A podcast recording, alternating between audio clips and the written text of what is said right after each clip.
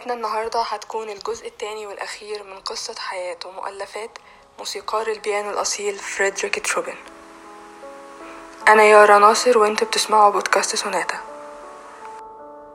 النهاردة هنتكلم قليل ونسمع أكتر من باقي مؤلفات فريدريك تشوبن وقفنا الحلقة اللي فاتت عن سفرات وجولات شوبن في البلاد الأوروبية وهدفه إن يسمع أكتر ويشوف أبناء جيله إيه الموسيقى اللي كانت مؤثرة فيهم وعرفنا إن ده كمان أثر في الموسيقى اللي كان دايما بيقدمها. وكمان قلنا إنه كان نادر ما بيدي المقطوعات اللي بيألفها أسماء. كان دايما بيرتبها حسب التاريخ اللي هو أصدرها أو لحنها فيه. ما عدا مقطوعة وحيدة كان ليها اسم وكمان اسم مميز جدا في تاريخ حياة شوبن وفي تاريخ حياة بولندا. كان اسمها المارش الجنائزي أو funeral march كانت بتحكي عن الثورة في بولندا والحروب الأهلية ومن ساعتها وتم اتخاذها كرمز لإحياء كل الثورات وكل الحروب اللي كان بيعيشها أبناء جيله من البولنديين. المقطوعة اللي هنسمعها دلوقتي كانت الحركة التانية من السوناتا التانية اللي ألفها فريدريك تشوبن من أصل ثلاثة سوناتا كان مألفهم طول حياته. قدرت شوبن من خلال المقطوعة اللي هنسمعها دلوقتي إنه يجسد كل ويلات الحروب وكل المآسي اللي شافها النازحين البولنديين في فرنسا وكل الدول الأوروبية. وكمان تم اتخاذها كرمز لإحياء الثورة البولندية. نسمع.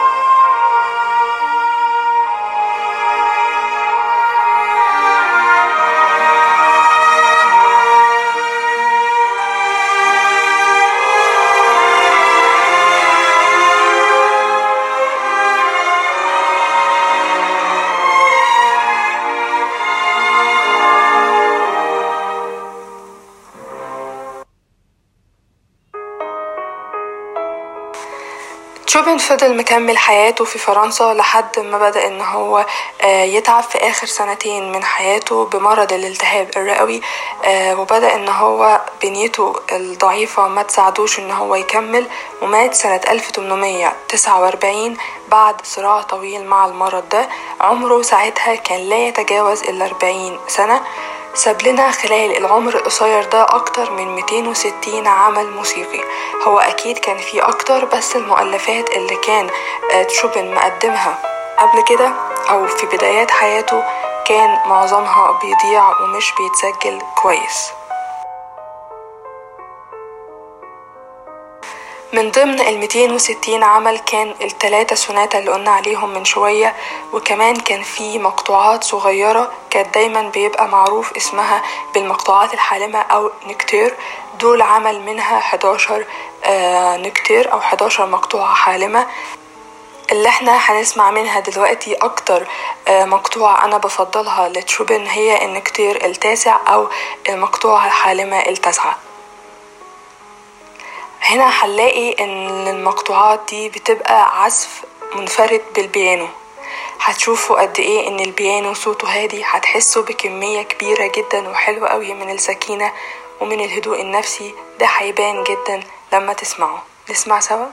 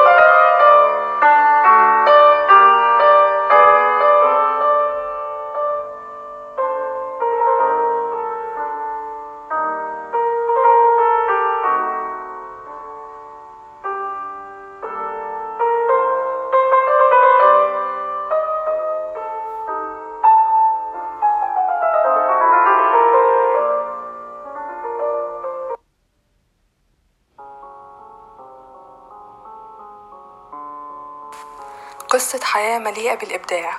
أثر وتأثر فيها بمؤلفين جيله وقدر يثبت نفسه كواحد من أكتر المؤلفين. أصالة واهتمام بإبراز تاريخ وتراث بلده الأم. مؤلفات هتفضل دايما خالدة في أذهاننا لموسيقار البيانو الأصيل. هسيبكوا دلوقتي تسمعوا آخر أعماله اللي ألفها قبل سنة واحدة بس من وفاته. هتكون قصيرة بس هتشوفوا قد إيه إن هو كان لسه محتفظ بنفس الأصالة وال rhythm العظيم اللي كان بيقدمه طول فترة حياته. ما تنسوش لو أنتوا على Apple Podcast تعملوا rate للحلقة وكمان تعملوا subscribe عشان دايما أحسن وأهم حاجة تقولوا لي إيه رأيكم في الحلقة وفي الحلقات اللي قبل كده. أشوفكم بخير الحلقة الجاية وأتمنى لكم استماع ممتع.